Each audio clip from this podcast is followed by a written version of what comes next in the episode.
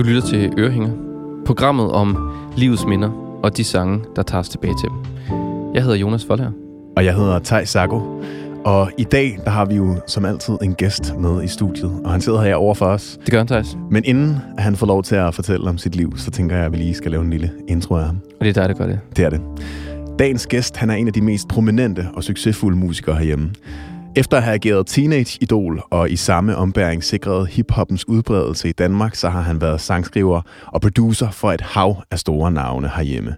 Som for eksempel Nick J., Kim Larsen, Outlandish, Sanne Salomonsen og ja, så mange, at vi faktisk ikke vil have plads til det i introen, hvis vi skulle have dem alle sammen med. I 2016 der sprang øh, dagens gæst ud som soloartist i eget navn, hvor han på dansk laver kompromilløs popmusik fra hjertet, som han turnerer med i hele riget. Hjertelig velkommen til producer, sangskriver og sanger Chief One, a.k.a. Lars Pedersen. Tusind tak, Thijs og Jonas. Det var da en fantastisk intro. Kunne I ikke bare følge mig jo. næsten hver dag, og så starte min dag med den intro, Vær der, når jeg vågner om morgenen. Det, så ved man bare, at det hele det, det skal nok blive godt. Ikke? Ej, det kommer ud som podcast, så kan du bare lige have den som vækord, hvis det er. Det skal som vækord, så bare...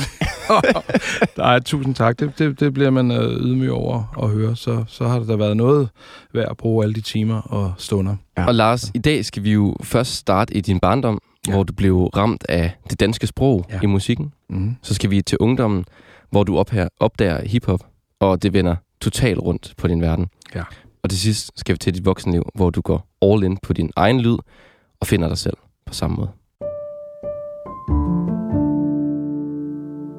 Og Lars, lad os bare starte fra starten. Hvor er du født henne? Jeg er født ude i øh, noget, der hedder Tornby, ude på Amager, selvfølgelig. Tornby er sådan et, et, et, et middel, middelklasse sted. Uh, ikke, ikke fattigt, men bestemt heller ikke rigt.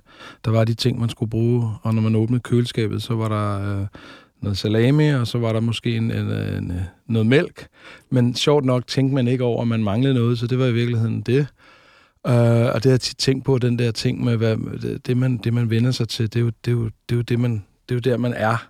Altså, vi havde ikke vi havde en bil, og vi havde et sommerhus i Sverige, sådan en lille faldefærdig Rønne, som lå to timer oppe i, i Sverige, og det var bare de, de bedste oplevelser, man havde på det. En mm. gammel folkevogn, der dårligt nok kunne komme op af, af, af Hallandsåsen på vej ind i Sverige der. Og, og følelsen af den der ting, at man manglede sgu ikke rigtig noget. Nej. Altså, det, var, det, var, det, har, det har tit gået tilbage til nu, hvor jeg efterhånden bliver trist, hvis der ikke er nok i mit køleskab, eller, eller man tænker, hvordan skal jeg nu komme fra A til B, ikke? Altså, hvor man så tænker, om der var sgu da også en gang, hvor det fedeste var, det var fandme at smøre en uh, sparepølse med og drikke glas mælk, eller knuse et æg, og så lave øh, med sukker, og så lave røræg, ikke? Altså, nu lyder jeg som et eller andet Erik Clausen-barn, ikke? Men det, det, det, var jeg også, men, men det var, det, jeg, jeg, jeg kom fra et hjem, hvor jeg i virkeligheden ikke manglede noget, men det var mm. ikke sådan noget overflod, det var i virkeligheden bare tid og kærlighed. Mine forældre havde et halvdagsjob, det var dengang, det kunne lade sig gøre. Så der var næsten altid nogen hjemme, når man kom hjem fra skole, så, så, så var der enten en mor eller en far, ikke? og så var der ellers nede i gården, og ned i et, i, i et rum, hvor man kunne lave alt muligt. Ja, senere det kommer tilbage til med breakdance, men, men det, mm. der, det skulle altid være rigtig trygt. Hvordan så det her barndomshjem ud? Meget, meget, og det står der stadigvæk. Mine forældre bor der stadigvæk, og det er bare sådan en ganske almindelig toværelses øh, lejlighed, hvor mine forældre selvfølgelig ikke havde noget øh, værelse. De offrede sig for mig og min bror. Så der var en sovesofa, der blev slået ud i stuen hver aften, når, de, når vi så havde set fjernsyn, og det sidste fjernsynsprogram blev, blev set, og vi skulle i seng, jamen, så slog min mor og far den her sovesofa ud og sov der. Ikke? Det har jeg også tænkt, altså vendt tilbage til, tænke, var, det, var det vildt, ikke? At de ligesom, i stedet for mig og min bror skulle dele værelser og blive totalt endnu mere uvenner, end vi egentlig var, så, så fik vi der i, i hver ende af gangen, og så var der den der lille bitte stue, hvor de så også sov, og et lille køkken. Så det var meget, meget lille, lille, lille sted. Altså andels, and, andelslejlighed, ikke? Altså, der manglede sgu ikke, men der manglede ikke noget. Det, Hvordan så dit værelse ud? Jamen altså, det kommer an på, hvornår du spørger nu, mig, hvilken nu, stadie nu, nu, nu starter vi sådan uh, barndom, sådan noget syv år måske. Jamen, barndom, der, jeg, jeg, jeg har sgu altid været meget kreativ, så der var altid et eller andet med, jeg kunne godt lide at tegne og skrive historier, og jeg kunne godt lide at have den der båndoptager ved siden af, der spillede øh, noget musik. Og så på det tidspunkt, der havde min far så også et skrivebord inde på mit værelse, hvor han så sad, og han gik op i tip, tipning, det var, altså, det var hans store ting. Du ved, den der tip, den der 13, ikke? Du ved, eller ja. 12, eller hvad fanden mm. ikke? Det var det eneste, der gik op i. Så det var meget hyggeligt. Vi sad der ryg mod ryg på det her lille værelse. Jeg sad og tegnede og hørte police, og, her, øh, og hvad der nu var af, af, de ting, jeg hørte dengang. Og så min far han sad med ryggen til en gang imellem, fordi min far også er musiker. Så, så vendte han sig rundt og sagde, det er, det er en god guitar solo, der søn. Og ved du, hvad en god guitar solo er? Så sagde nej far, det er, når man kan nynne den bagefter. Og det, det er sådan nogle ting, der stadig er i mit hoved, når jeg laver musik. Jeg kan godt lide, når for eksempel når jeg laver guitar solo, så ser jeg til guitaristen, prøv at vi skal lave en solo, som folk kan huske bagefter. Vi skal ikke bare lave lir, vi skal have noget, der sætter sig ind. Og det er sådan nogle ting, der kommer fra min barndomshjem, eller når min far skulle spille, han spillede noget, der hedder The Clifters øh, med Johnny Reimer, og de var de første teenage idol band ever i Danmark. Det var lige der, hvor jazzen var stoppet, og, og der var begyndt at komme Elvis og Cliff Richard og de ting. Og der var min far og hans band, de var de første, der spillede på elektriske guitar og spillede rockmusik, eller popmusik, som man kaldte det dengang. Så han spillede jo også tit sange, som jeg hørte. Så jeg var i virkeligheden meget skizofren med min musik, fordi på den ene måde, så hørte jeg selvfølgelig det, de andre hørte. ABBA og så videre, og så videre, men jeg hørte sgu også øh, Cliff Richard og Elvis og sådan noget, fordi det var min far, der sad og spillede det for mig, og ligesom fortalte mig lidt om melodier og hooklines og alle de der ting. Mm. Og samtidig havde jeg så selvfølgelig også mit favoritband af dem alle, som vi nok kommer hen til nu. Mm. Ja. Gasolin. Ja. Og hvordan, hvordan startede det med gasolin? Jamen, jeg, jeg, jeg havde som sagt hørt på alle de her Cliff Richard-ting og, og, og Elvis og sådan noget. Det var jo på engelsk. Og jeg tror bare, første gang jeg hørte det, om det har været radioen, om det har været på, på, på Danmarks Radio, det var faktisk ikke den her sang, vi skal høre nu, men den første, jeg hørte, det var masser af succes.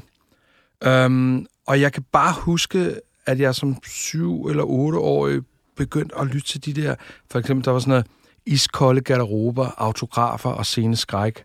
Men om natten, når, øh, når, når lyset brænder ud, og alt er stille, er du ene, åh, så ene. Jeg kan bare huske de der ord. Jeg anede ikke, hvad fanden det var, han talte om, men jeg havde det, som om det var skrevet til mig. Mm. Altså, det var, du ved, venner, en masse, halvtomme glas, kærtegn brudte løfter, autografer og gas. Og jeg, jeg kan bare, altså de der, lige pludselig var der noget, hvor jeg lyttede efter med et ekstra lag. Ja hvor det ikke bare var de her øh, ting fra Elvis og hvad jeg nu hørte, ABBA og sådan noget der. Her var der faktisk noget, hvor jeg kunne få et billede. Og det, det har jeg faktisk beholdt lige siden det der med, at når man laver musik, så skal man helst se en film foran sig. Og med alle Gasolins sange, der kunne jeg se en film. Mm. Der var et dobbeltalbum, der hed Live Sådan, og jeg kan huske, det var jo dengang, der var vinylplader, hvor man kunne åbne, og det var sådan en dobbeltside, og så inde på midten, der var der sådan et billede, hvor de sad øh, i en gatter, altså sådan en øh, sådan sportsomklædningsrum, lige efter en koncert, totalt gennemsvedig, og Willy Jønsson drak en øl, du ved, ikke, og, og Kim Larsen var gennemsvedig, og de havde scenetøj på, og de sad sådan op af hinanden, og var sådan, du ved, i sådan en typisk håndboldsomklædningsrum, ikke, og jeg kan bare huske, at jeg sad og tænkte, fuck, jeg vil godt være det der, jeg vil godt sidde der, at være totalt svedig og føle at drikke en øl og føle, at jeg har været ude at spille for en hel halv af folk, der bare har sunget med på mine sange. Det, jeg kan bare huske, at jeg kiggede bare konstant på det der billede, og så var der en masse små andre billeder også. Jeg, jeg var bare fuldstændig duperet af, af dem mm. og deres tekster, og den måde Kim Larsen præsenterede sangen, når han snakkede mellem numrene, det var fuldstændig magisk. Hvordan, jeg havde han snakkede til mig. Og hvordan fortalte du så din far om, om hvad du følte omkring det her musik? Eller Jamen, andre? jeg tror faktisk, min, min far var meget åben. Nu var det jo, skal jeg så også sige, sådan en ekstra lille fantastisk historie, da jeg så mange år senere får lov til at arbejde med Kim Larsen, som var et kæmpestort øjeblik. Øh, og jeg står ved en mixerpult nede midt i, midt i studiet, hvor Kim han så står og hører det, som jeg har lavet, og står og nikker og synes, det er skide godt. Og så siger han lige til mig, du er godt klar over, at uh, grunden til, at jeg startede med at lave musik, det var på grund af din far, ikke? Så var sådan, what? Wow. Ja, men jeg, jeg stod dernede i Brøndshøj, øh, der var sådan en Brøndshøj Husum øh, rock øh, klub, og der spillede min far, der stod den lille Kim Larsen og tænkte, jeg skal være rockmusiker, ikke? Ej, hvor vanvittigt. Så det, det er full circle? Helt full, full, full circle, ikke? Wow. Um, så jeg tror godt, at, at, at min far også godt kunne mærke de der ting i, i, i Gasolins musik. Mm. Um, han synes dog, at Søren Berlo slog for hårdt på trommen. Det er sådan musiker til musiker. Ja, det er også, fordi min far kommer lige fra den der jazz-type, du ved, når man ser, for eksempel når min far spiller i dag, han spiller som en af de der få trommeslager gør, de der, du ved, hvor du bruger hele trommesættet. Du, du, du laver ikke det, man kalder et arbejdsmandstrum, hvor det er bum, bam, bum, men det er bare du, du, da, da, du, da, da, da, op på bækken, du, du, du, ned på tam, ja. tam, tam, tam. Altså, det er, det er lidt mere fint følelse. Og håndledene bare bevæger sig, og han, han ser nogle gange ikke ud, som om han nærmest slår, men alligevel er der enormt meget power i. Jeg elsker at stå og se ham spille. Det er noget af det mest fantastiske, jeg ved. Ikke? Mm. Uh, men men det var, det var mit, mit barndomshjem har altid været fyldt med musik. Uh, også fordi han jo selv også var ude at spille. Han stoppede så sin karriere, fordi han hellere ville være sammen med, eller han ville bruge mere tid på familien. Ikke? Mm. Men han har blandt andet lavet, hvis I kender, Jeg vil bo på Vesterbro, mellem ja. folk, jeg kan lide. Det er min far, der, ja. der har været med til at lave den. Og han har skulle lavet mange af sådan nogle ting i, i slutningen af 60'erne, starten af 70'erne. Fantastisk. Og hvem, hvem er din mor og din bror? Kunne de også godt lide musik? Altså, min, min mor har altid været den, der har holdt sammen på os, ikke? Fordi vi har jo bare i virkeligheden bare været tre drenge, inklusive min far. Vi er sådan nogle for evige drenge Det må have været håbløst. Men hun er ligesom den, der har holdt sammen på os. Min bror har været ham, der har været interesseret i det, man, øh, man kalder mere øh, sort musik, mere urban musik. Han var den første, der præsenterede mig for Earth, Wind Fire og Cool and the Gang og disco musik. Han var en af de første, der ligesom var, der var sådan en lille klan inde i byen, der dyrkede øh, øh, soul, funk og disco og sådan noget der, og hørte det på, på nogle svenske radiostationer, Radio Luxembourg og alle de der ting, fordi det ikke var så meget i Danmarks Radio. Så han var sådan en, også en lidt en first mover på det, og jeg kunne, som lillebror kunne jeg ikke lade være med, du ved, at snige mig ind på hans værelse, når han ikke var der, og så, så sidde med hovedtelefoner, som jeg har på nu, og så sidde og lytte på alle de her plader, hvor det var nogle vildt spændende covers, ikke? Fordi det var altså ikke arbejde, det var altså ikke Gasoline, det var sådan nogle, der, var, der, havde, der havde swag, du ved, det var sådan nogle fra New York og Chicago, og du ved, det var, det var, det var mennesker, der havde en anden hudfarve end mm. Mm. Tornby-hudfarve. Jeg elskede det. Jeg kan bare huske, at jeg blev enormt draget af soulmusik og funkmusik, så jeg var enormt splittet, fordi på den ene side, der elskede jeg jo at høre Duran Duran og Gasoline og de her ting, men jeg var eddermame også til, til, til, til Earth, Wonder Fire og de her disco-funk-ting, ikke? Steve Wonder og sådan noget der. Um, så, så det var, det var ligesom, han, han er måske den af os, der har dyrket den mere urban og gør det stadigvæk urbane ting, ikke? hvor jeg så lærte lidt af ham på den, i den retning der. Ikke? Mm. Så. Og du har taget en gasolin sang ja, med, selvfølgelig. som vi skal høre. Ja. Hvad er det for en sang? Jamen, det er en sang, der hedder øhm, Hvad gør vi nu, lille du? Og øh, jeg kan bare huske, at øh, første gang jeg hørte den, der havde jeg købt den over på Kai Antonsen. Det var en pladeforretning over på Tornby Torv. Og jeg var gået over med min mor og købe den. Det var en syvtommer. Der var øh, Keep On Knocking på, på bagsiden. Det var dengang, der var singler, man kunne høre to sange. Og der blev jeg passet af en dame, der hed Ingrid. Og jeg kan huske, at jeg kom hjem til hende og sagde, at jeg skulle høre den her. Og der hørte jeg den her single og den her sang igen og igen og igen.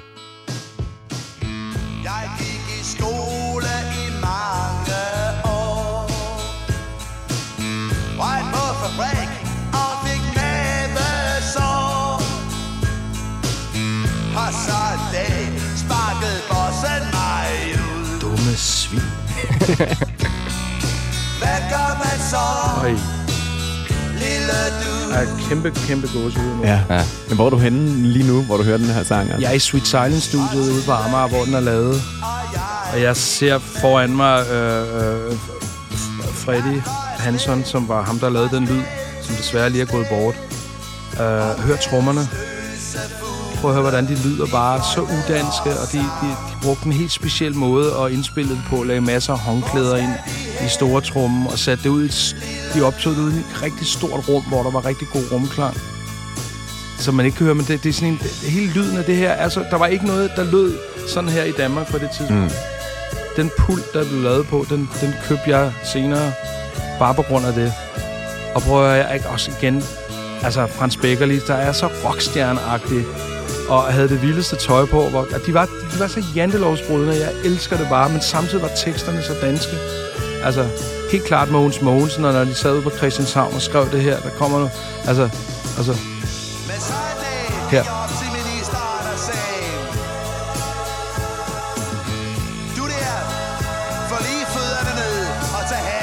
Ja. Yeah. Mand. Kan du ikke se, at det hele er ved fuldstændig akut? Han rapper jo. Mm. Så hvad gør vi nu? Din gamle skurk. Og så kommer det der, ikke? Men han grinte bare og sagde, nej, du kan sgu gå fanden i vold. Så der taber vi. Så det gør vi nu, lille du. Ja, vi gør. Og så igen. Farvel soloen, ikke? Mm. Ej, men altså... Og det er, lidt, det er jo sådan lidt tragisk. Jeg kan også huske at have følt det der vedmod, vemod ved, at nu var der en, der gik op og gjorde noget, du ved. Og så alligevel, så blev han lukket ned. Så må du bare gå fanden i vold, for ja. det sagde de op på, på Christiansborg, ikke? Og der kan jeg huske, at der blev grundstenene lagt til det, der senere blev Rockers by Choice. Fordi sådan en tekst som det der, det kunne lige så godt have været på, på opråb til det danske folk. Uh, vi havde en sang, der hedder Nedtur. Det kunne virkelig være fuldstændig det samme der. Så det var også kimen, der blev lagt til det sprog, som jeg og de fire andre senere brugte, da vi dannede Rockers by Choice. Det er helt mm. klart på grund af Mogens Mogensen og, og Gasolin og den her sang. Helt vildt. Altså, det går jo op for mig her sidste vers, han er jo næsten rapper, ikke? Altså, ja, det er det. Altså, det det, det, han siger tingene, fordi de tænker, det her skal sgu ikke synges, det er så vigtigt, så det skal simpelthen...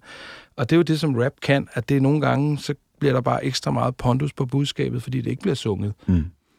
Altså, det er jo også en, en sang, som, som du også er inde på, der er sådan meget samfundskritisk, eller sådan, man, man går oprør. Ja. Var det noget, du også sådan gjorde meget som barn, eller var det her sådan ligesom første møde med det? Jeg tror, jeg i, i skolen har altid været den der, der sagde, når de sagde, det skal du ikke gøre, så gjorde jeg det. Det må du ikke. Nå, det må jeg godt. Hvad, hvad kunne det være? Jamen, altså, jeg, jeg tror i virkeligheden bare, at jeg meldte mig rigtig meget ud fra du ved, lige fra når man skulle have en, en klassekage med hver fredag, så havde jeg den ikke med, for jeg synes simpelthen bare, det var, jeg, jeg spiste selvfølgelig de andre ting. og når det var sådan noget, når det blev lidt for, jeg havde sådan lidt, altså, når det blev lidt for kommunistisk på en eller anden måde, og mm. det kan jeg jo godt se, det, det, det går lidt imod de budskaber, jeg jo så samtidig havde, men når tingene blev lidt for meget regler, og, det, og man blev puttet ned i en kasse, og man blev selv sagt, nu, det kan du ikke gøre det, Lars. Du kan ikke, du kan ikke sidde med fødderne op på bordet og høre med din Walkman og drikke en halv liter cola og skrive rap-tekster. Det kan du simpelthen ikke. Og min engelsklærer siger, du kan ikke sige don't. Du skal sige do not. Mm. Du skal ikke sige ain't. Jamen, så siger man, det skulle da det, man siger ud på gaden. Det skulle da det, man siger i alt det musik, jeg hører. Der siger man, I ain't, I don't, du ved ikke.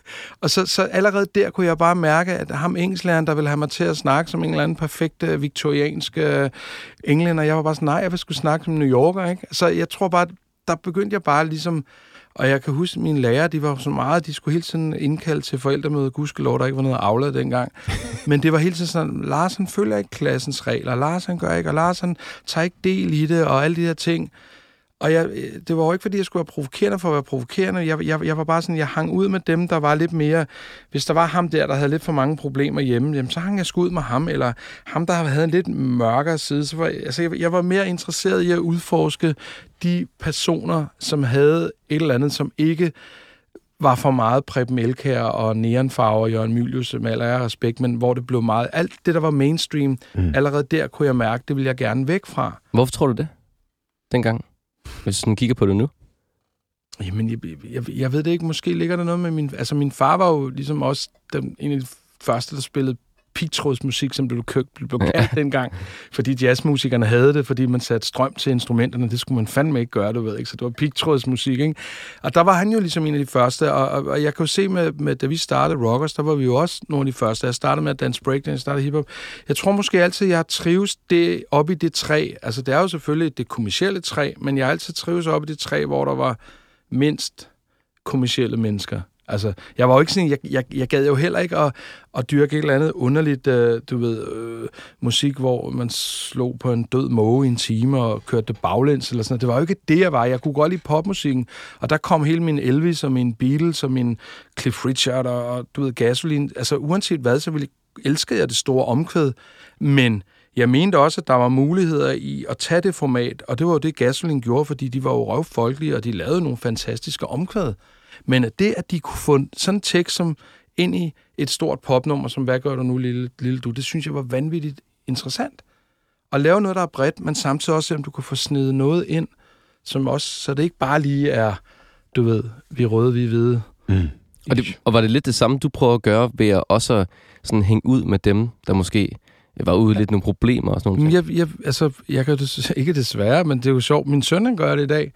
Og der, er jeg jo, der skal jeg slå mig lidt på hovedet, fordi så bliver jeg lidt bekymret, altså, og så tænker fuck, hvad laver du nu? Du skal da ikke være bekymret. Det er da kun en mini der, der opsøger der, hvor der er nogle kanter, og hvor der er nogle... Øh, nogle farver, hvor det hele ikke bare er sort og hvidt. Og altså, her for nylig blev jeg jo kaldt op øh, til noget forældremøde, hvor fordi at øh, min søn er begyndt at lave graffiti, han er 11, ikke?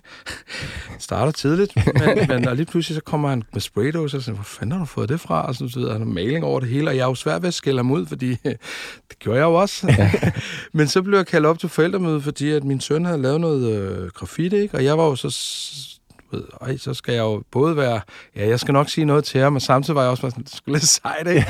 Ja, men det værste er, at så blev ført hen til den der graffiti, de skulle vise mig det, så var det sådan en lille bitte mm, kuglepens graffiti på en dør, der ikke var mere end 10 cm, og jeg var så tæt, at jeg skulle holde mig igen og sige, okay, er det ikke andet end det der?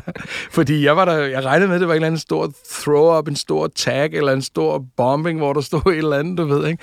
Men det siger også noget om, at tiderne i dag er måske at blive lidt mere kontrollerende, fordi at, øhm, jeg synes, jeg slap væk med rigtig, rigtig meget af min skoletid, som jeg godt kan se, at min søn ikke kan slippe øh, øh, af sted med. Så det bliver en travl tid, jeg går i møde på Aula. Og, ja, det, kan det er efter Aulas entré. Men jo, jeg, jeg, jeg tror bare altid, jeg har søgt og jeg, jeg kan huske i, i lang tid, da jeg var helt i, eller da jeg var omkring de der 10, 11, 12, der kan jeg huske, at jeg søgte efter den musik, der skulle definere mig som menneske. Mm. Øhm, det var der jo ikke så mange andre af mine, øh, der var interesseret. De kunne slet ikke forstå, at det var så vigtigt for mig. Og jeg kan huske, at jeg søgte, jeg søgte, og så var der på et tidspunkt, så var det sådan noget Duran Duran og Spandau Ballet, og jeg skulle male mit hår lidt halvhvidt og grønt og alt muligt, og så var der Stray Cats, som var sådan noget rockabilly uh, revival, så var der, skulle jeg have brylcreme i håret, og Shaken Stevens, og, og du ved, altså, og, og jeg, var, jeg var sådan helt, du ved, men jeg vidste, at jeg kunne slet ikke, når jeg så Eldorado, nu elsker jo Jørgen Mylius, og jeg synes, han har gjort noget fuldstændig fantastisk for musik, men både ham og til dels også Kim Schumacher, jeg, jeg kunne ikke rigtig... Jeg, der, der, var, der var noget lyserødt, pink, neon ting, som jeg ikke kunne altså, jeg kunne ikke... Girls just wanna have fun. Oh. Jeg synes, det var det værste i dag, der synes jeg, det er et genialt nummer. Men det var fordi, at jeg, jeg havde brug for noget at gøre oprør mod. Så I wanna dance with somebody. Jeg havde, jeg, jeg havde mm. det hele, fordi jeg havde også kulturen i det. Jeg havde de der Marco Polo bluser og trøjer og Claudio og Lacoste og det tøj, man havde på og de der piger, der, der havde sådan noget permanent øh, kloden drejerhår. Og det alle sammen. Jeg var bare sådan, der, der må være andet end det her. Mm. Og det kom lige pludselig. Vi skal jo videre ja, i, i dit liv. Vi skal mm-hmm. op i din ungdom. Ja. Hvordan ændrede du dig, da du blev teenager? Jamen altså, øh, en lang historie kort, men der, hvor jeg søgte allermest, og jeg, jeg vidste på en eller anden måde ikke, jeg havde, jeg havde ikke fundet det, jeg ledte efter.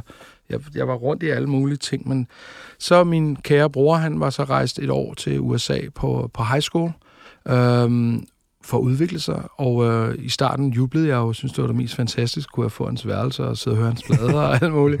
Men så kommer jeg selvfølgelig til at savne ham. Det er jo sådan, det er med mennesket. Man, man, nogle gange desværre skal man have de ting, man i virkeligheden ikke rigtig ved, man savner bort fra en, før man finder ud af, hvor, væk fra en, før man finder ud af, hvor meget man savner det. Så jeg kom til at savne ham rigtig meget, og han sendte sig kassettebånd, det var dengang, med det musik, han hørte over i USA. Han boede i staten New York. Og øhm, det har han gjort øh, de første halvår. Der var det nogenlunde noget af det samme musik, jeg fik, og jeg synes, det var mildt spændende, fordi der var de her amerikanske radiostemmer, sådan noget WBLS, The Sound of New York, og det var bare sådan, wow, det var bare noget... Ja, som, Christian, som at være der nærmest. Det var, det var sådan noget, ja, her er det Christian Flagstad her, og du lytter til, du ved ikke, det var bare noget andet, ikke? Altså, der var en kompression på stemmen, og det var, det var, musikken var også komprimeret på en anden måde. Det lød bare federe. Altså, selv de sange, jeg kendte, lød federe på det bånd, ikke?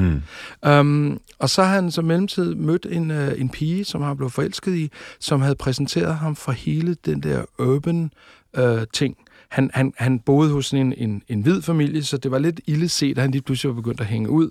Det var selvfølgelig racial America, vi mm. taler om der, men han var begyndt at hænge ud med en masse farvet og begyndte at dyrke det musik og funkmusik, og han elskede det. Han var ligesom en af de eneste hvide, der var, de var bare sådan, okay, why are you interested in this? Det der, de var sådan helt glade over det, og han var bare sådan, fedt, jeg er i himlen. Og der hørte han så en sang, som han sendte over til mig. Og den sang, der hedder Run DMC, uh, øh, It's Like That. Og uh, den ændrede mit liv. Og derfra, og grunden til, at den ændrede mit liv, det var fordi, det var det, var det oprør, jeg havde let efter. Der var ikke nogen hi-hat på den, der var ikke nogen basgang. Der var faktisk ikke en skid. Der var en trombeat og noget rap. Og som handlede om lige præcis, hvad gør vi nu, lille du? Som handlede bare om, hvordan den sorte mand havde det, og hvordan han led i ghettoen, og hvordan den eneste måde, de kunne komme frem på, var enten ved at bokse, eller var begyndt at lave rapmusik, fordi de ikke kunne synge. Og lige pludselig var der bare noget, der ramte mig, det jeg synes, det var fantastisk.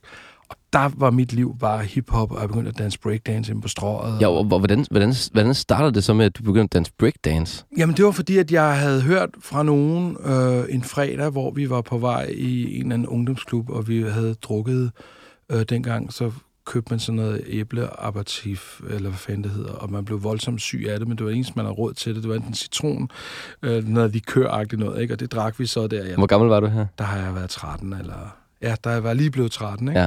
Og jeg hang ud med dem, der var lidt ældre, selvfølgelig. Og så var der en, en der hed Michael Flødgaard, der sagde, at han havde været inde på strøget her forrige fredag, og han har set nogen, der har stået og lavet noget mærkeligt dans. De var sådan 5, 6, 7 stykker, og de havde en båndoptager, de havde spillet noget af det musik, som vi var begyndt at høre.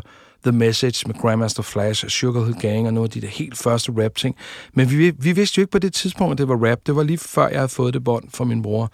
Så jeg, jeg, vidste, jeg, jeg tænkte, det er musik, man taler over, men det er sådan mere funkagtigt. Jeg anede ikke, at det var en kultur. Det var det, min, min bror fandt ud af, Ja. ved at sige, prøv at høre, det her det er en del af en kultur, og man danser den her dans, og så videre, og så videre. Men jeg tog så ind sammen med de her drenge fredagen efter, og kom over på Rådhuspladsen, og rigtig nok, der stod der så 10-15 drenge, med en kæmpe stor båndoptør. De sad sådan lige, når man kommer over på Rådhuspladsen, lige foran Rådhuset, der er ligesom sådan et, et hegn, eller hvad fanden man kalder sådan en stenhegn, og der sad det. Og vi gik derhen, og var bare sådan, hey, fedt, og så, hey, fedt, og så var man en del af det. og så var der på et tidspunkt en, der hed Ken Larsen, The Duke, en af de rigtig første, sammen med Phase 5, der sagde, kom, vi skal, vi skal gå. Og jeg var sådan, hvad, hvad skal der ske nu? Og så havde de sat to båndoptager sammen, så man kunne gå i sådan en lang karavane, ikke? Og jeg synes bare, det var fedt, fordi igen det der det med at gøre det, man ikke måtte, og blive bemærket og provokeret lidt. Og så fyrede vi op på Malcolm McLaren, Buffalo Gals, og så gik vi så ned gennem strøget, den der karavane, og jeg kunne huske den der følelse, at alle vendte sig om og kiggede på os. Mm. Altså sidst nogen havde gjort det, det var da punkerne havde været i gang, ikke? Ja. Der var det på grund af, at de havde døde rotter i inderlommen, eller de havde farvet hår, eller her kom vi med vores musik. Og så på et tidspunkt, så sagde Ken, eller Face, vi stopper her. Og så var der sådan et lille sted, hvor vi så lige kunne... Og så begyndte de at danse lavede electroboogie og breakdance, og der stod jeg bare og tænkte, hvor er det fedt det her. Og så var der oven købe en, der gik rundt med en hat, og så fik vi nogle penge, og så kunne vi gå op og æde en Whopper ikke? på Burger King. Ikke? Og jeg var bare sådan, this is it. This is it. Eller købe batterier, ikke? Det var ligesom det var de to udgifter, man havde, ikke?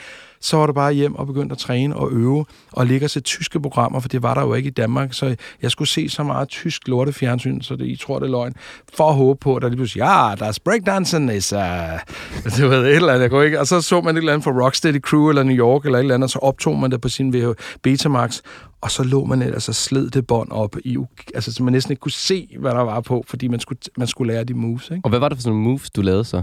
Jamen altså, det, var- altså, jeg startede med electroboogie, det er altid det nemmere, og man lavede bølgen og alt muligt, og så lige pludselig begyndte jeg at tænke, ah, breakdance, det, det skulle lidt federe. Så, og jeg kan huske en af den, den move, jeg blev rigtig god til, det var der en, der hed The Windmill på dansk helikopteren, og det er så ikke den helikopter. Nej. det, er- Det er en anden slags. Ja, det er sgu en anden slags, Ærgerlig og sikkert opfundet Ja. en fuld svensker eller et eller andet, men, men den her, det, det, var, det var sådan en move, hvor man ligger ned på, på, på ryggen, og dine ben, de bare, altså det, man, man skal se det, så, før, før man tror det. Og jeg, jeg, jeg blev jo ret hurtigt god til den her windmill der, og, og det man så gjorde, det var, at man jo lå og øvede hver eneste dag. Man kunne dog nok vente med at komme hjem fra skole. Og øhm, så om fredagen, så skulle man så ind i noget, der hedder Thomas Bahejle, som ligger inde på Nørre Vold. Og det var en af de eneste ungdomsklubber, der havde set, at der var en ungdomskultur her, der var begyndt. Vi var kun 200-300 eller et eller andet. Så de havde givet os lov til at komme hver fredag aften helt øverst op. Der lå sådan en håndboldssal, som vi fik lov til at få fra klokken øh, 7 til klokken 10, eller 6 til 10. Og der kunne vi udsmykke det med store graffiti, ikke på væggene, vi fik lov til at male nogle malerier, og så havde vi en DJ-pult, og så skulle også breakdancer op og mødes med hinanden og breake mod hinanden. Og hvad, hvad, og hvad for noget tøj havde I på? Uh, her for helvede. Det er jo, det er jo altså, igen det der med at virkelig, altså, ja, vi kom jo op i den her bus, øh, bus 33 ude fra, fra Tornby Torv, og vi havde jo for eksempel store skihandsker, store skibriller og øh, gamle pelsjakker, læderpelsjakker, vi havde fundet i Frelsens her. Øh, gummisto sko, som vi havde desværre ikke Adidas Superstars, for det, det, der skulle man over til New York for at få fat i dem, for de var udgået. De var udgået fra verdensmarkedet de fik så sikkert kæmpe revival på grund af hiphop, ikke? Men, Lars, Men hvad, hvad, hvad sker ja. der så? Altså, I, I møder op ja. heroppe i det her lokale, ikke? Mm, mm. og har øh, skibriller på, ja. og skihandsker og, og pels. Og, og øh, træningstøj og alle de her ting, og så kommer vi op, og så går vi over i hver vores hjørne. Du ved, det ene hjørne, der har du måske breakerne fra Lyngby, som er måske lidt mere affekteret, og så har du vietnameserne fra, fra, fra øh, Brøndby Strand, som er sådan virkelig hardcore, cool, seje, og så har du også fra Amager, du ved, og du, du har forskellige, og så er der nogle fra Hellerup, og, altså det, det er sådan virkelig, og, og, og hver gruppe, man kan godt se, hvor de kommer fra. Det er sådan ret... Det lyder som en syd- film nærmest. Fuldstændig. Ja. Og så står vi der alle sammen og ser hinanden an, og så kan der være et cue til en speciel sang, der bliver spillet, og så, så er man i gang så ved man for eksempel, at man har aftalt, at os, som så på det tidspunkt hedder Floormasters, vi skal danse mod Outtown Breakers, eller Breaking Kids, eller dem fra Tostrup, der hedder B-Boys Beware. Og så går man sådan frem i midten, og folk begynder at lave en ring rundt om. Altså det er ligesom Fight Club eller et eller andet. Hvor, hvor mange er I på Floor Masters? Hvem, hvem er der, er vi så, der er vi en, der er vi 8, 9, 10 stykker.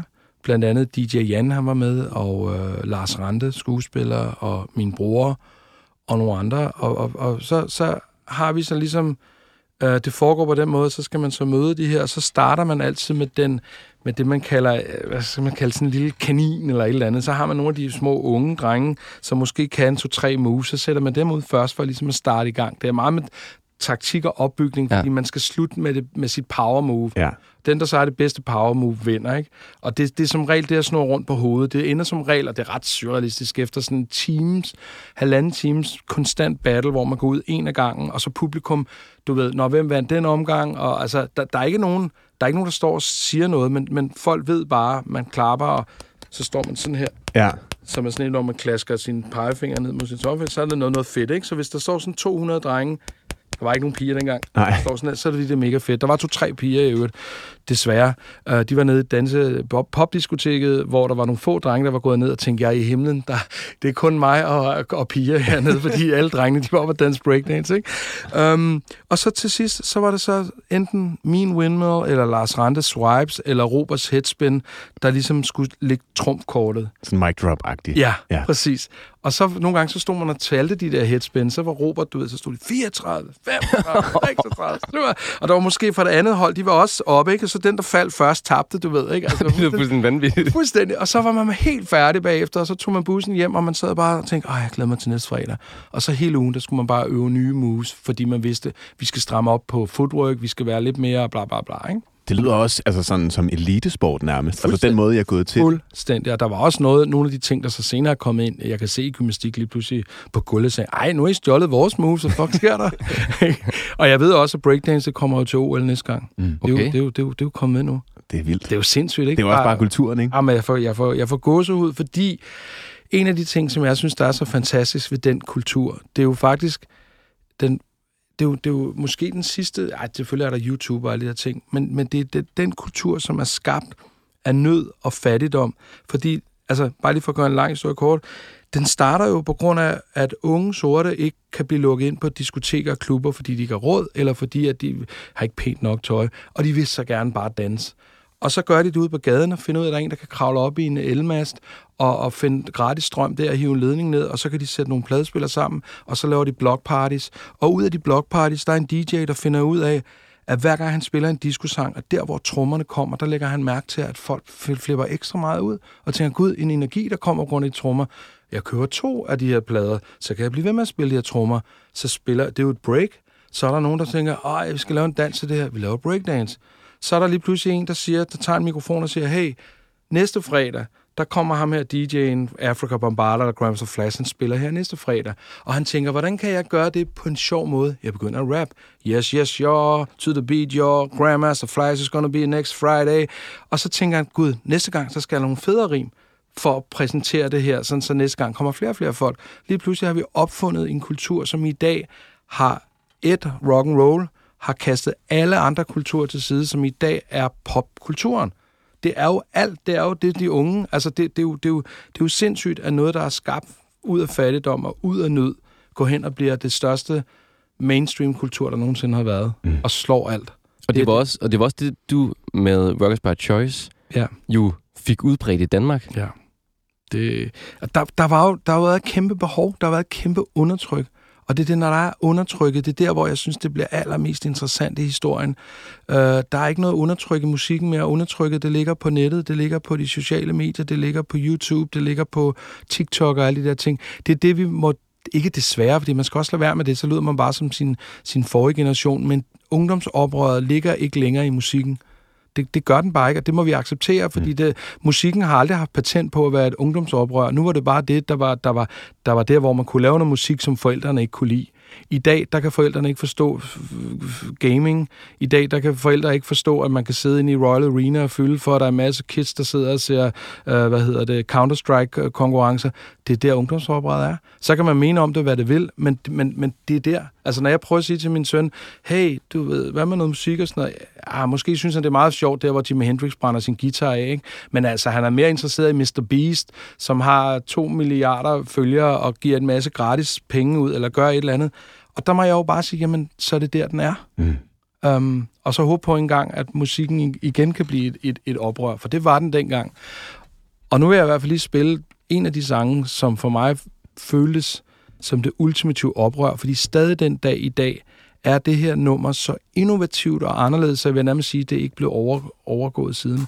Det er Africa Bombarders Soul Sonic Force. Det her. Det, det, det. Prøv de ord her. Jeg kan huske, vi stod.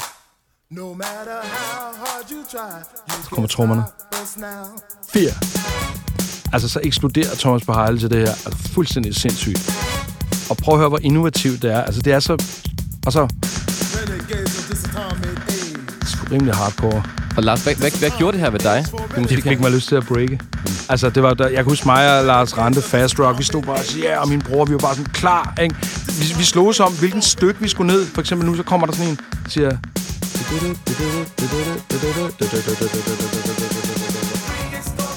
ligger en bask. Det er James Brown. Get on a good foot. Så det, det er igen det hiphoppen, der, der går ind og finder alle de fede energier rundt omkring. Her er der James Brown, og så er der rap over, og så er der en 808 trommemaskine. Synger Martin Luther King, Malcolm X.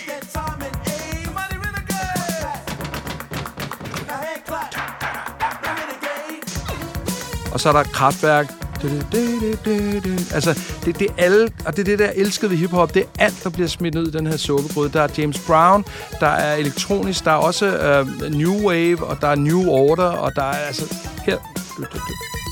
Det er jo uh, kraftværk, ikke? Helt mm, ja. Numbers-pladen, ikke? Som jo også var kæmpestor. Altså, uh, Trans-Europa Express med uh, kraftværk var jo det største i de sorte kvarterer i New York. Og det er jo sindssygt. De blev selv helt overrasket, da de lige pludselig ja. spille New York. Så stod de der bare der ej, hvad fuck, hvad alle står og danser til det her, ikke? Det er, det, det er også bare sådan en smeltedige af, af, af alle kulturer på ja. en eller anden måde, ikke? Og det var derfor, jeg elskede uh, hiphop, og stadig elsker hiphop.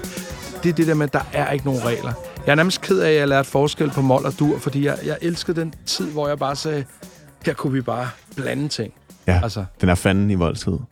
Wow.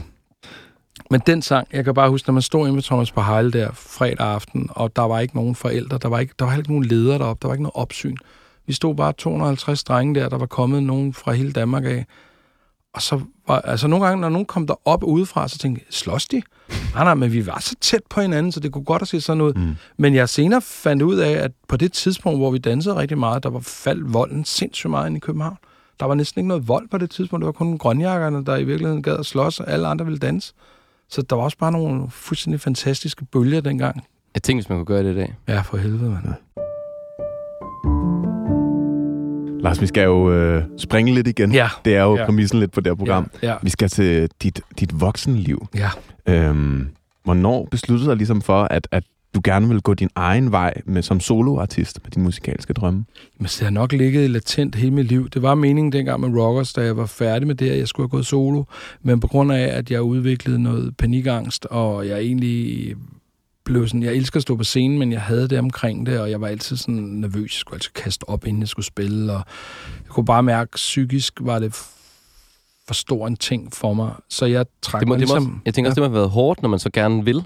Ja, og, og samtidig også, man var meget splittet, fordi vi var teenage-idoler, ikke? Altså, det var sådan en helt sindssygt hysterisk teenage-idol med, du ved, de overnattede buske nede foran ens hjem og fulgte en øh, gennem hele dagen, og det var også vanvittigt fantastisk, men det var også underligt, fordi vi, det skete bare overnight, ikke?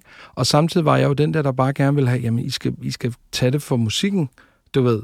Jeg, jeg er svært ved at- den der idoldyrkelse, også fordi den, den var så nådesløs, ikke? De skiftede jo kræfter med idoler, som vi andre skifter underbukser. Mm. Så lige pludselig var man bare fra den ene år til det andet, så var der bare Nikolaj Piloterne, eller New Kids on the Block, eller et eller andet, og så var man bare, du ved, Glemt. glemt.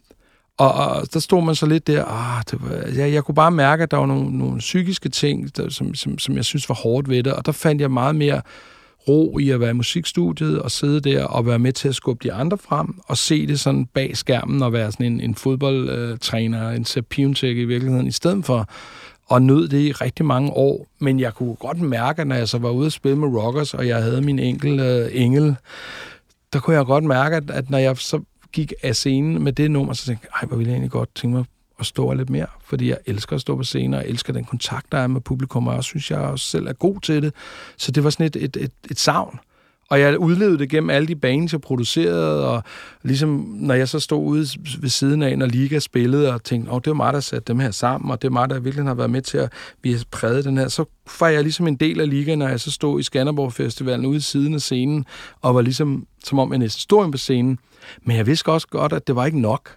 Og jeg, jeg skulle ud i en depression, før jeg fandt ud af, at det var nok det, der havde banket på i mange år, som ligesom gjorde, at jeg lige pludselig på et tidspunkt, selvfølgelig også af nogle andre årsager, også fandt ud af, at jeg ikke var der, hvor jeg skulle være. Mm. Og der fandt jeg blandt andet ud af, at noget af det, jeg havde savnet, det var at lave musik til mig selv, for mig selv. Kun for mig. Altså, og var det, var det også musikken, der gjorde, at den her depression kom, tror du? Ja, det tror jeg måske, fordi jeg blev meget sådan... Vi, vi havde rigtig meget succes, mig og Remy. Vi havde et selskab, der hed Reach, og vi har lavet rigtig mange succeser, men jeg kan huske den der... Du ved, så kom der et bud med en, en platinplade og en guldplade. Jeg ved godt, det lyder snot for kælet, men det var sådan, det var sådan en kort rush, som bagefter lidt svarer til, at man går ud og bare shopper, hvis man er ked af det, ikke? Altså, mm. det er sådan lidt, "Nå, okay, det var fedt, ej, var jeg god, men så bagefter, "Nå, okay, ikke? Og jeg kan huske, hver gang jeg slukkede computeren, så var jeg sådan tom, og havde den der, nå, nu skal jeg ud i den virkelige verden igen. Fordi jeg, jeg, jeg havde det i virkeligheden bedst inde i musikken, det var der, jeg kunne forsvinde, men det var også en, det er jo heller ikke en sund måde at gøre det på, for det kan man jo ikke for evigt. Um, og jeg var bange for, at jeg ville miste lysten til at lave musik. Det var min største angst, for så havde jeg jo ingenting. Så, så da jeg røg ind i den der depression, som sandsynligvis nok havde været, været under opløb rigtig, rigtig længe, jeg vidste bare ikke, hvad det var. Jeg kunne bare mærke, at jeg blev mere og mere sådan farveløs, ikke? Mm. Øhm, og der var det så med den tid, hvor jeg var med mig selv alene, hvor jeg ligesom havde været rundt og sige til blandt andet Remy og været op på Warner og sagt, prøv jeg, jeg kan ikke mere, jeg, jeg kan ikke tage mig de her 10 artister, og en Alexander Oscar, som står på til at bryde igennem, og nogle forskellige, så jeg, jeg, jeg, jeg, kan ikke, jeg kan ikke gøre det, fordi jeg synes også, det er synd for de her mennesker, fordi jeg, jeg kan ikke give mig 100% mere, og så skal jeg lade være med at gøre det. Så jeg må ligesom slet alt og starte forfra. Det var pisse hårdt. Øh, men, men der ligger jo en, en gave i hver eneste livskris. Og da jeg langsomt pakkede den op, og jeg lige pludselig fandt ud af, at det, der virkelig gjorde mig glad, det var at skrive min egen sange. Og lære, at jeg havde en stemme på det, det anede jeg overhovedet ikke. Jeg har aldrig sådan ligget min kort, at jeg skulle synge. Men igen, så var den der, nå, det kan du ikke, nå, så skal du gøre det. Mm. Um, og finder stadig ud af hver dag, jeg pakker mere og mere op, og finder, gud, fuck, hvor er det vildt. Det, det her har ligget 35 år og ventet. Øh, og det er aldrig for sent, selvom det er hjernedødt at gå solo i en alder 48. Det er fuldstændig, fuldstændig hjernedødt på alle måder. Men, men, men for hver lille skridt, jeg tager imod den retning, der gør mig mere og mere glad, det større succes er det. Fordi en ting, jeg også har lært med alt det her, det er, at succes er virkelig relativt. Altså, fordi jeg havde sådan på et tidspunkt, hvor jeg tænkte, "Nå, hvis ikke det kan stå på Skanderborg, eller Roskilde, eller en platin, eller et eller andet, så er det en succes. Mm. Indtil man prøver at stå og spille i en sal, hvor der er 75 mennesker med sin egen musik, og tænke, det her det er det vildeste, jeg nogensinde har prøvet hele mit liv. Det var jo også lidt det samme som helt i starten, da du snakkede om spejepølsmad og mælk i Tårnby, ikke? Altså, Fuldstændig rigtigt. Det der med at bare less is more, kom hjem fra skolen, og så bare tænde for din, sin 80-spors båndoptager, og begynde at stå og power scratch i 7-8 timer, og bare være helt væk, indtil ens far banker på, på dør eller på væggen og siger, skal du ikke skifte ny plade eller et eller andet, fordi den der 808 trummaskine har bare kørt uafbrudt, ikke? Du, du, da, da, da, du, da, Altså, den der følelse havde jeg jo ikke haft, fordi det har jeg jo forsøgt at leve gennem andre, ikke? Var, um, var, det, var det svært for dig at sådan finde din egen stemme og dine egne tekster i deres sprog? Det, der har været det allersværeste, det er at finde min, uh, mit selvværd i det. Fordi at jeg er rigtig god til at slå mig selv i hovedet og være ekstremt hård. Fordi jeg måske altid har sat høje krav. Øhm, og det er jo ikke, jeg skal også bare lære, at det at, at sænke sin krav er ikke nødvendigvis, at det bliver dårligere. Men en gang imellem, så skal du også bare huske, at du skal også være til stede, fordi ellers så kan du heller ikke nyde det, du laver. Um, så jeg, jeg, jeg øver rigtig meget på at fjerne de stemmer inde i mig, der siger, at jeg ikke kan. Og øh, blandt andet, når jeg skal synge live, det er det aller værste. Fordi der kan jeg lave verdens fedeste generalprøve, men lige så snart jeg skal på, så har jeg fundet ud af, at der er nogle stemmer inde i mig, der siger, at uh, det kan du ikke, det skal du ikke. Mm. Og jeg tror, det er rigtig mange øh, fra fortiden, og det er musikbranchen, og det er meget noget, jeg bilder mig selv ind. Og det er min, det er min største ting, jeg skal arbejde med nu, det er at få fjernet de der stemmer, fordi de er sgu ikke særlig fede, fordi at når jeg står op med mig selv op i studiet og synger, så er jeg fuldstændig op og køre over, hvor, hvor, hvor godt jeg synes, det lyder. Um, og jeg ved, det lyder underligt, sådan lidt blæreagtigt, men det er, hvad jeg er stolt over, at jeg overhovedet turde gøre det. Fordi det kræfter mig noget af det mest um, intime, man overhovedet kan gøre, det er at synge. Mm fordi du skal bare åbne dig. Og så har jeg så bare fundet, at jeg har fundet mit eget lille musikalsk univers, som selvfølgelig stadig er i popuniverset. Jeg forsøger tekstmæssigt at lægge nogle ting ind. Og en af dem, jeg blev rigtig meget inspireret af, det er en svensker, som ikke særlig mange mennesker kender. Jeg er halvsvensk, øh, så jeg forstår svensk perfekt, og jeg har altid lyttet rigtig meget til svensk musik. Ham her, som har været måske også en af dem, som har været pejlemærke i, at jeg har tænkt, det her, jeg er gang i nu, kan måske godt lade sig gøre, fordi han har bevist, det kunne lade sig gøre. Han er en af de største artister i Sverige. Altså, han, er, han, kan, han er, har rekorden for flest øh, publikum i, i Nordeuropa, og har fyldt Ullevi Stadion i syv dage i træk, og vi kender ham ikke herhjemme. Han hedder Håkan Hellstrøm, og sådan en sang som den her er uendelig frihed for mig.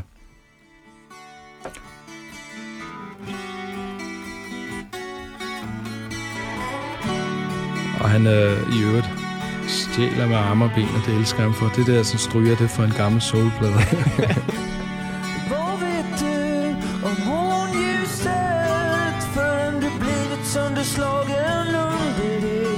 Hvad, hvad repræsenterer den her sang for dig? Det er altså hans tekst. Hvad ved du om, om morgenlyset, hvis du ikke er blevet slået i to af den? Um, Jamen, der, altså, jeg vil ønske, at I kunne forstå svensk, fordi der hans tekster er fuldstændig oppe i det helt... Og han er så ægte og ærlig. Han er pisselig glad, om han synger lidt skævt. Han er skide glad, om trommerne er ude den ene side, og det sejler lidt, og det hele er, men det er hans autenticitet, der er så fantastisk. Ja. Hvad ved du om solen? Før nogen har slukket alle lysene. Altså, hvad ved du om solen? Altså, og hvad ved du om ikke at ville vågne op igen? Du kommer til at se din ungdom vil rådne op foran dig. Det er en uh, gammel Bob Dylan-frase, uh, uh, han lige bruger der. Og jeg elsker, at han, han refererer til en masse gamle mm. linjer fra musikhistorien. Og så det der, det der. Det er jo, og høre trommer, de bare så vælter bare rundt. Det lyder som en gammel breakbeat, ikke? Det er jo også lidt som hiphoppen, det Præcis. der med at låne. Præcis. Her. Og, det, og det er også det, jeg tror, jeg kan lide ved ham, fordi han er pisse glad. Han, han, det handler om at blive inspireret. Det handler ikke om at plagiere. Altså, det... Men er du også blevet mere ligeglad, Lars? Altså sådan... Jeg arbejder på det. Ja. Jeg vil sige, at jeg er meget sårbar over min musik, fordi at jeg er så nøgen omkring det. Altså på den ene måde er jeg ligeglad, men på den anden side er jeg også... Jeg, jeg, jeg er virkelig skrøbelig, men det er jeg også glad for, for så betyder det jo noget. Altså, den dag jeg er ligeglad, og den dag jeg ikke er nervøs, så kan jeg lige så godt lave noget andet. Ikke? Men jeg tænker også sådan lidt ligeglad om andres meninger. Altså, du også udgiver musikken selv, og... Og jeg sidder lidt lytter til den der. Ja.